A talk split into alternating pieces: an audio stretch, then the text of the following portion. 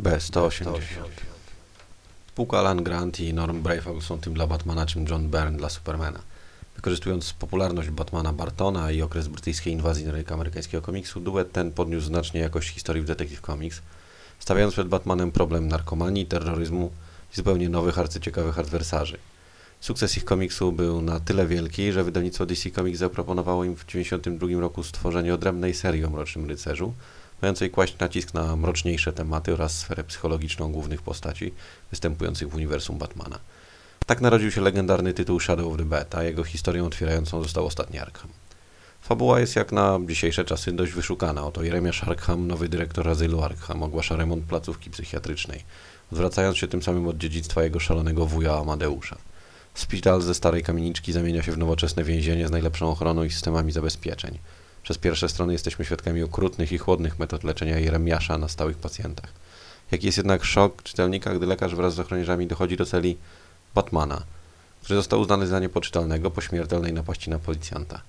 W międzyczasie w Gotham dochodzi do brutalnych i wyrafinowanych morderstw. Oczywiście te dwa różne zdarzenia mają ze sobą więcej wspólnego niż mogłoby się wydawać na pierwszy rzut oka, a punkt zwrotny goni następne przełomy w komiksie. Trzeba przyznać, że Alan Grant poprowadził sprawny thriller psychologiczny. Oprowadzając nas przez salę odnowionego psychiatryka, scenarzysta nie szczędzi krytyki metod działania tego typu oddziałów. Jeremiasz to dosyć wyraźna karykatura lekarzy ze szpitali psychiatrycznych, którzy chcąc dobrze przyczyniają się do krzywdzenia pacjentów. Poza tym do ciekawych postaci w tej historii jest Sash, niemiłosierny morderca z inteligencją Hannibala Lectera, choć już bez takiego wyrafinowania. Przy nim inni klasyczni łotrze Batmana wyglądają i zachowują się nader dziecinnie. Pomimo tych pozytywów współczesnego czytelnika może razić patetyczność dialogów, która momentami przeradza się w cukierkowatość i model współpracy Batmana z policją, który dziś po Mrocznym Rycerzu Nolana wydaje się być naiwny i łatwowierny. Z drugiej strony Grant stawia przed Batmanem ciekawe wyzwania, w których liczy się nie tyle siła fizyczna, co również intelekt. Znowu jednak szkoda, że scenarzysta nie odważył się rozpisać sceny rozmowy lekarskiej Remiasza z Batmanem. Byłoby to ciekawe doświadczenie, o ile najbardziej zatrważające, patrząc na pastwienie się doktora nad innymi pacjentami.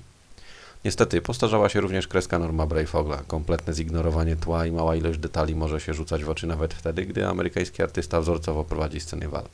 Mimo to Norm nadal jest mistrzem, jeżeli chodzi o ukazywanie ekspresji na twarzach postaci. Jego Batman potrafi pokazać skrajnie różne emocje. Smutek, gniew, zmęczenie, zaskoczenie, ból, frustrację.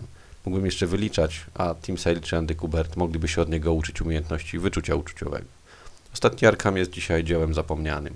Pamiętają nim jedynie zatwardziali fani Mrocznego Rycerza. Na reedycję tego komiksu nie ma co liczyć. Pozostaje jedynie poszukać polskiej wersji tego solidnego dreszczowca w antykwariatach, rzetelnie przetłumaczonej przez TM Semik na offsecie.